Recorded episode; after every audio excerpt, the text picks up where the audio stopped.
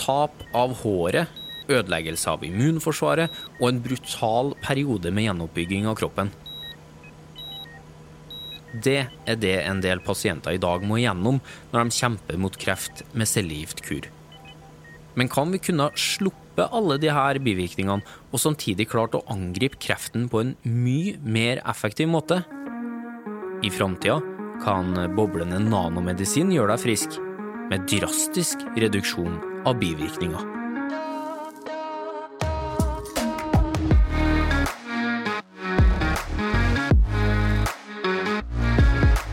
Du hører podkasten Smart forklart med Aksel Faanes Persson. Hjertelig velkommen til en ny episode av Smart forklart, podkasten fra oss i Sintef, der du risikerer å bli litt klokere og få litt større tro på framtida for hver eneste gang du lytter innom. Denne episoden handler om hvordan vi kan kjempe mot kreft med ny teknologi, og gjesten vår på det temaet er Sofie Snipstad. Velkommen til Smart forklart, Sofie. Takk, det er veldig hyggelig å være her. Det er kjempehyggelig å ha deg her òg. Jeg vet at du ikke liker å nevne det jeg skal nevne nå, men vi må ha det med, for vi må jo tross alt introdusere deg. Du er tidligere vinner av Forsker Grand Prix. Det syns jeg er kjempestas. Og så jobber du nå både for Sintef Industri og for NTNU, der du sammen med en dyktig gjeng utvikler en ny metode for kreftbehandling som ja, benytter seg av det dere kaller for boblende nanomedisin.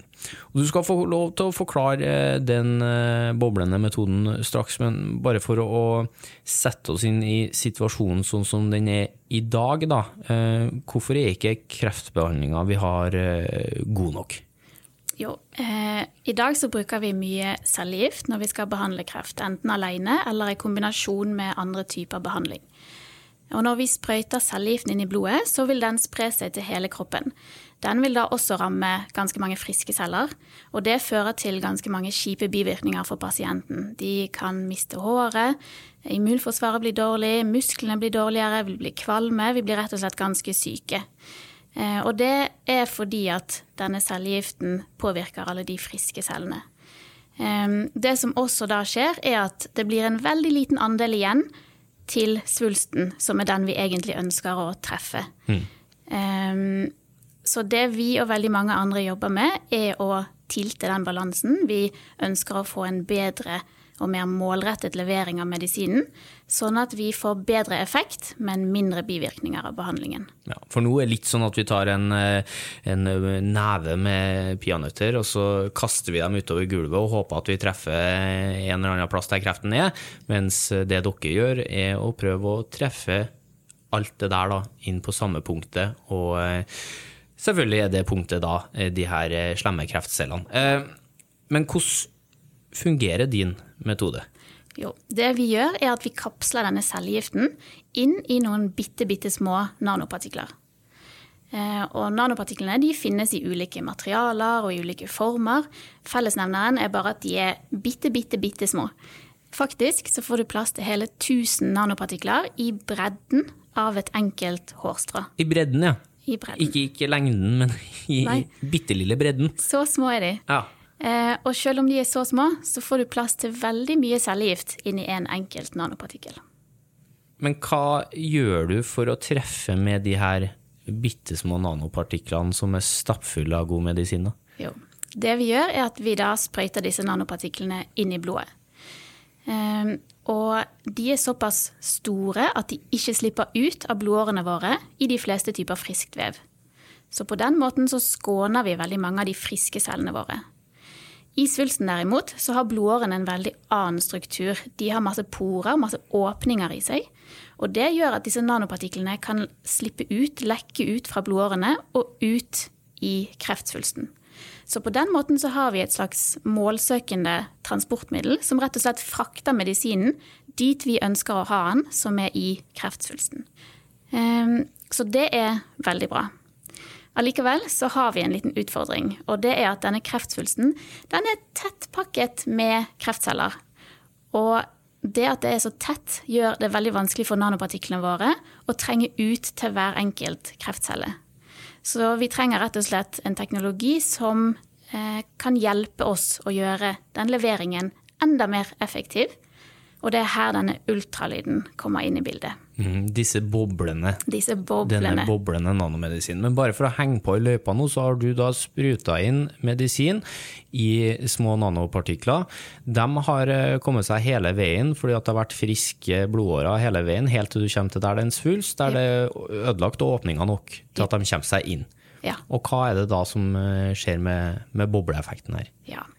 Så i tillegg til å sprøyte inn disse nanopartiklene, så sprøyter vi da inn noen bitte, bitte små gassbobler, som kalles mikrobobler. De er også veldig små. Ehm, og så behandler vi selve svulsten da med ultralyd. Og ultralyden vil rett og slett få disse små gassboblene til å stå og vibrere i blodårene våre.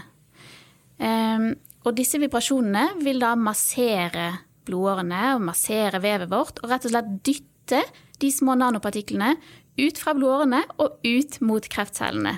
Så de blir massert inn der det egentlig er for tettpakka med kreftsvulst og kreftceller og alt det der, Ja. til at de da klarer å komme seg lenger og lenger inn jo mer massert yep. de blir. Stemmer. Men hvordan øh, Den der sliter jeg litt med å skjønne. Hvordan klarer ultralyd å skape den effekten? Jo, ultralyd det er jo noe som de fleste kjenner til. Vi bruker ultralyd når vi avbilder et foster inni magen vår, eller når vi avbilder hjertet, f.eks. i diagnostikk. Eh, og ultralydbølgene de er rett og slett som lydbølger, eh, bare med en litt høyere frekvens. Så det samme som gjør at eh, du hører stemmen min, og jeg hører stemmen din, og trommehinnen vår vibrerer av disse lydbølgene.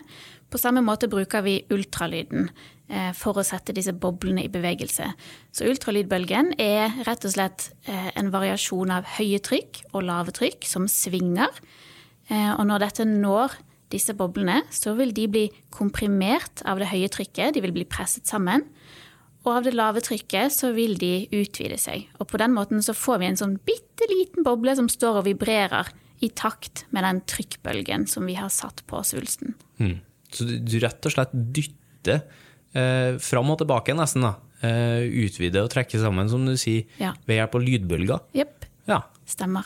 smart. Men hvor mye av den medisinen da, som, som slipper ut av deres eh, eh, nanopartikler, angriper friske celler med denne metoden, sammenligna med, med den cellegiftmåten å gjøre det på? Da? Ja, så hvis vi tenker oss at ca. 0,01% av dosen havner i svulsten ved tradisjonell cellegiftbehandling, så har vi sett at hvis vi kapsler inn cellegiften først i disse nanopartiklene, leverer det gjennom blodet, så får vi ca. 100 ganger mer medisin til svulsten. Og hvis vi i tillegg bruker disse små gassboblene og ultralyden, så havner vi på ca. 250 ganger mer medisin til svulsten, sammenlignet med fri cellegift alene. Sånn at da kan man antageligvis få en ganske mye bedre effekt av behandlingen, som betyr at vi kan redusere den dosen vi gir til pasienten, og dermed få mye mindre av disse bivirkningene som vi snakket om tidligere. Ja, for helt fri for bivirkning er nesten umulig å bli, men jo mindre dose du trenger å bruke, jo færre bivirkninger blir det. Ja, det stemmer. Men eh, hvilken type kreft snakker vi om her, da? Når jeg hører blodårer, og sånn, så ser jeg liksom for meg kreft i, i midtregionen av kroppen vår. Ja. Eh, men eh, hvilken type kreft er vi snakker om at den behandlinga her kan fungere på? Ja, det som er Fordelen med ultralyden er at den kan fokuseres for å behandle et område som ligger inni kroppen, uten at vi påvirker det vevet som ligger under eller over. Eh, og I tillegg så kan vi flytte denne ultralyden rundt til ulike steder på kroppen. og Det gjør at man kan bruke det til veldig mange ulike typer kreft, nesten overalt i kroppen din. Ja, Skyter du inn på en måte en sprøyte da, med de her nanopartiklene i armen min, og så guider du den med ultralyden nesten hvor som helst på kroppen min, eller hvordan skjer det sånn steg for steg, da? Ja, ja man vil eh, sette en nål i blodåren der man sprøyter inn først nanopartikler med medisin, og så disse små gassboblene.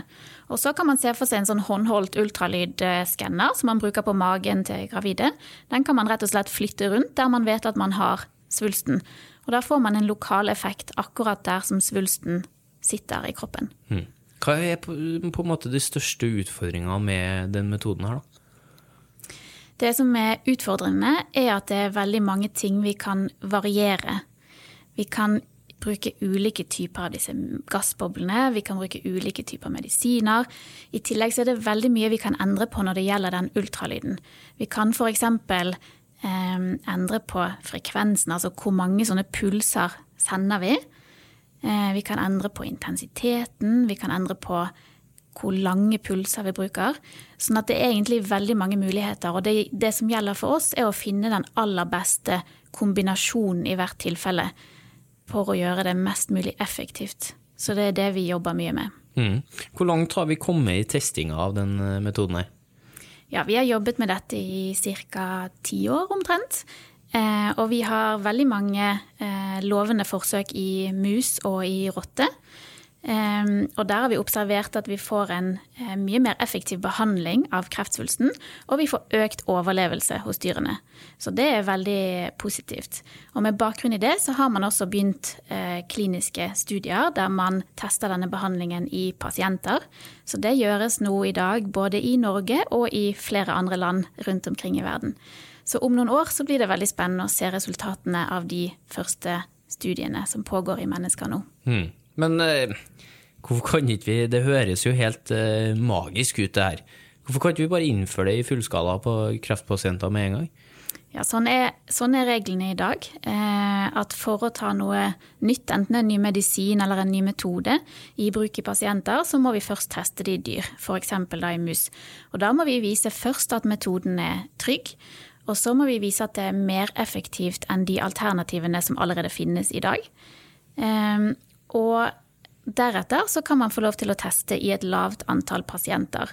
Eh, og hvis det fortsatt da ser lovende ut, så tester man i enda flere pasienter. Sånn at det er en veldig tidkrevende prosess, og i snitt så tar det eh, typisk 17 år ifra man gjør en oppdagelse eller en har en idé, til noe godkjennes og tas i bruk, da. Blir ikke du eh, Jeg bare ser for meg hvis jeg har vært deg eh, og hadde kommet drevet på med det her hver dag og mener at det er gull, eh, som det høres ut som, da blir ikke du stressa, da? Få det fortest mulig ut på markedet, hjelp folk med en gang. Og se for seg 17 år fra du starter til du får det ut. Mm, det høres veldig lenge ut. Det, så det gjelder å smøre seg med tålmodighet. Men så for oss er det eh, Vi vil jo gjerne at det skal gå så fort som mulig. Samtidig så er det veldig viktig for oss at den prosessen er eh, gjort veldig grundig. At man ikke tar noen forhastede avgjørelser. Um, og når vi starter med utviklingen, så jobber vi først mye med kreftceller som vi dyrker på laboratoriet. Eh, som er tatt ut fra en pasient, og som vi kan eh, holde liv i på laben. Teste det på de cellene først, og så går vi etter hvert inn i forsøksdyr. Um, og et forsøk i mus kan ta så mye som et halvt år. Um, der man først søker om godkjenning. Uh, alt er veldig nøye regulert, selvfølgelig. Behandler dyrene, følger de opp, analyserer dataene, bestemmer hvilken retning skal vi gå videre. Så det gjelder å, å smøre seg med tålmodighet, ja. ja og så er jo nok å gjøre da, eh, i den forskningsprosessen fram mot eh, ferdig metode. Men dere er jo ikke de eneste i verden som sitter og forsker på kreft og prøver å finne eh, løsninger mot eh, denne eh, sykdommen. Altså, hvorfor, hvorfor, er kreft en så vanskelig sykdom å finne en enkel kur mot? Ja, kreft er jo det, Man liker å se på det som én sykdom, men det er jo ikke en enkelt sykdom. Det finnes utrolig mange forskjellige typer kreft, og i tillegg så kan samme krefttype i to forskjellige pasienter oppføre seg veldig ulikt. Og Derfor er det så vanskelig at å ha én behandling som kan hjelpe alle. Så det vi trenger er å angripe det fra ulike vinklinger, sånn at man for alle pasienter kan finne det som fungerer best for akkurat den pasienten. Og kreft er jo eh, dessverre, da, for mange av oss en ganske kjent sykdom. Uansett hvilken type det er snakk om, så har trolig mange av oss vært innom det på en eller annen måte. Enten berørt sjøl eller eh, gjennom noen bekjente. Mm. De fleste kjenner jo noen som enten har eller har hatt kreft. Én eh, av tre får kreft, sånn som det er i dag. Heldigvis så skjer det stadig medisinske framskritt som gjør at flere og flere overlever og blir friske. Mm. Men denne boblende nadomedisinmetoden, da. Det er greit at du forsker på den i kreftsammenheng nå, men kan den brukes på, mot andre sykdommer òg? Ja, det vi ser er at eh, det er ikke bare nanopartikler med cellegift som man kan få mer effektiv levering av. Vi kan få mer effektiv levering av ganske mange andre typer medisiner. eh, bl.a.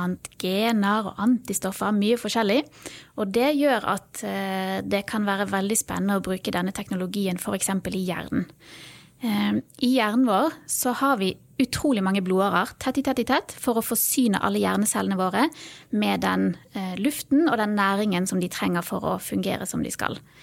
Men så er det sånn at dette blodårenettverket i hjernen vår det har en ganske annerledes struktur sammenlignet med f.eks. det vi har i kreftsvulster.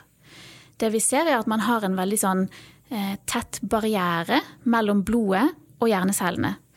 Og grunnen til at den barrieren er der, det er for å beskytte hjernecellene våre fra alt det som potensielt kan være farlig i blodet. Virus eller bakterier, f.eks. Pga. denne barrieren så er det veldig vanskelig å levere medisin Eh, til hjernecellene våre, og derfor har vi mange sykdommer som vi ikke har noen god behandling for i dag. Men det vi ser er at hvis vi da sprøyter inn disse boblene i blodet, og bruker ultralyden på et område i hjernen, så kan disse boblene og vibrasjonene rett og slett åpne denne barrieren, sånn at vi får levert medisin ut til hjernecellene. Så potensielt så kan man se for seg å bruke det i behandling av, av hjernekreft, men man kan også tenke seg å levere medisin i pasienter eh, som har andre hjernesykdommer, som f.eks. Alzheimers eller Parkinson eller lignende.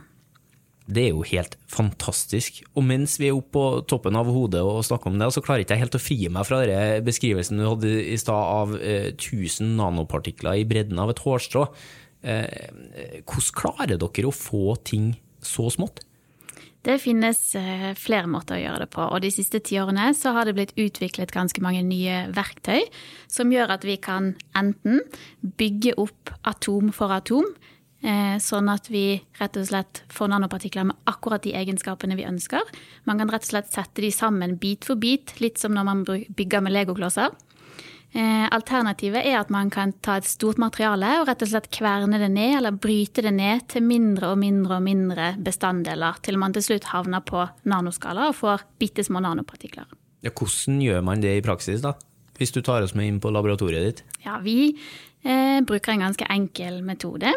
Eh, vi blander rett og slett olje og vann sammen. Eh, og da har man sett, hvis man gjør det hjemme på kjøkkenbenken, så ser man at vannet synker ned og oljen legger seg på toppen. Så det man gjør da, er rett og slett å riste på den løsningen. Da får vi dannet masse små oljedråper som flyter rundt i vannet. Og hvis man bare rister veldig, veldig hardt, så blir de dråpene bitte, bitte små, altså noen nanodråper. Og da er trikset at den medisinen som vi da ønsker å putte inn i disse nanopartiklene, den har vi blandet i oljen i forkant. Sånn at da har vi oljedråper med medisin. Og så lar vi det gå litt tid, eh, sånn at de oljedråpene de eh, blir til solide partikler. Eh, så da har man rett og slett vann med nanopartikler, der hver nanopartikkel inneholder medisin. Det var en smart forklaring. Veldig bra. For deres del nå, da, og for alle oss som sitter og venter på denne boblende nanomedisinmetoden, hvor går veien videre? Vi tester nå eh, i ulike typer kreft i forsøksdyr. Og da ønsker vi spesielt å jobbe med krefttyper som er veldig aggressive, som har en veldig dårlig prognose. Um, og for å gjøre metoden mest mulig effektiv, så jobber vi mye med å forstå hvordan dette egentlig virker. Så hvordan påvirker vi miljøet inni kreftsvulsten? Uh, og vi ønsker å forstå om det er spesielle egenskaper ved kreftsvulsten som må være til stede for at denne behandlingsformen skal virke bra. For hvis vi kan forstå det, så kan vi potensielt sett tilpasse dette eh, og få det vi kaller persontilpasset behandling i fremtiden. At vi da kan forutse denne svulsten i denne pasienten vil respondere godt, mens denne svulsten i den andre pasienten den bør få en annen form for behandling. Men denne metoden, da, når den er klar, er det, eh, blir det en sånn dyr metode som bare vi i rike land som Norge har råd til, eller vil det være noe hele verden kan dra eh, nytte av? Ultralydskannerne, altså ultralydutstyret, det finnes i utgangspunktet på de fleste klinikker verden over. Sånn at det er veldig enkelt og greit. Da kan man ta i bruk det som allerede finnes, kanskje med noen små tilpasninger. Um, og så finnes jo også medisinen, altså den cellegiften eller andre typer medisiner. Det finnes jo allerede på markedet i dag. Så det vi gjør, er å kapsle det inn, rett og slett, i disse nanopartiklene. Og Det er et stort fokus i hele nanomedisinfeltet, at man ønsker å gjøre den prosessen så enkel som overhodet mulig for at det skal bli eh, så billig som mulig, at man unngår unødvendige kostnader. Mm. Og eh, dere styrer ikke over medisinen, det er noen andre produsenter som gjør. Dere bare pakker det inn, eh, leverer den metoden, og som du sier, ultralyd er jo det mange har eh, fra før av. Mm. Og dermed så er faktisk det her noe som kan gagne en hel verden. Det er jo kjempebra.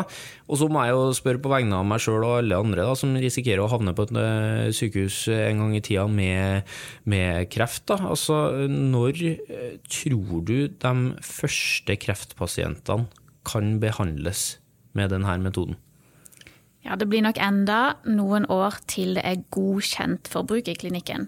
De første pasientene eh, i de kliniske studiene de behandles jo allerede i dag. Men det vil nok enda ta noen år før denne metoden er tilgjengelig for alle i hele verden. Eh, så vi jobber jo så raskt vi kan for at det skal gå så fort som mulig. Men eh, hvis vi antar at vi har jobbet i la oss si ti år, kanskje litt mer med det her, så har vi nok enda kanskje fem til syv år igjen vil jeg tro. Sofie Snipstad, eh, vi krysser jo det vi har av fingre og tær for at du og gjengen din får det her ut som en behandlingsmetode som kan redde liv. Noterer meg da 2028 som en mulig dato for det. Eh, så får vi håpe at dere lykkes videre òg. Det er veldig spennende resultater dere har eh, så langt. Tusen takk for at du tok turen innom Smart forklart. Takk for at jeg fikk komme takk også til deg som hører på. Det er fantastisk artig rett og slett å se at det bare blir flere og flere medlemmer av denne Smart forklart-familien for hver eneste episode. Og du må gjerne spre ordet om oss hvis du vet om noen eh, som kunne ha tenkt seg å hørt på. Jo flere vi får delt denne kunnskapen med, jo bedre er det. En ny episode er på vei om ikke så altfor lenge, og i ventetida fram til da skal forskerne i Sinte fortsette å utvikle teknologi for et bedre samfunn.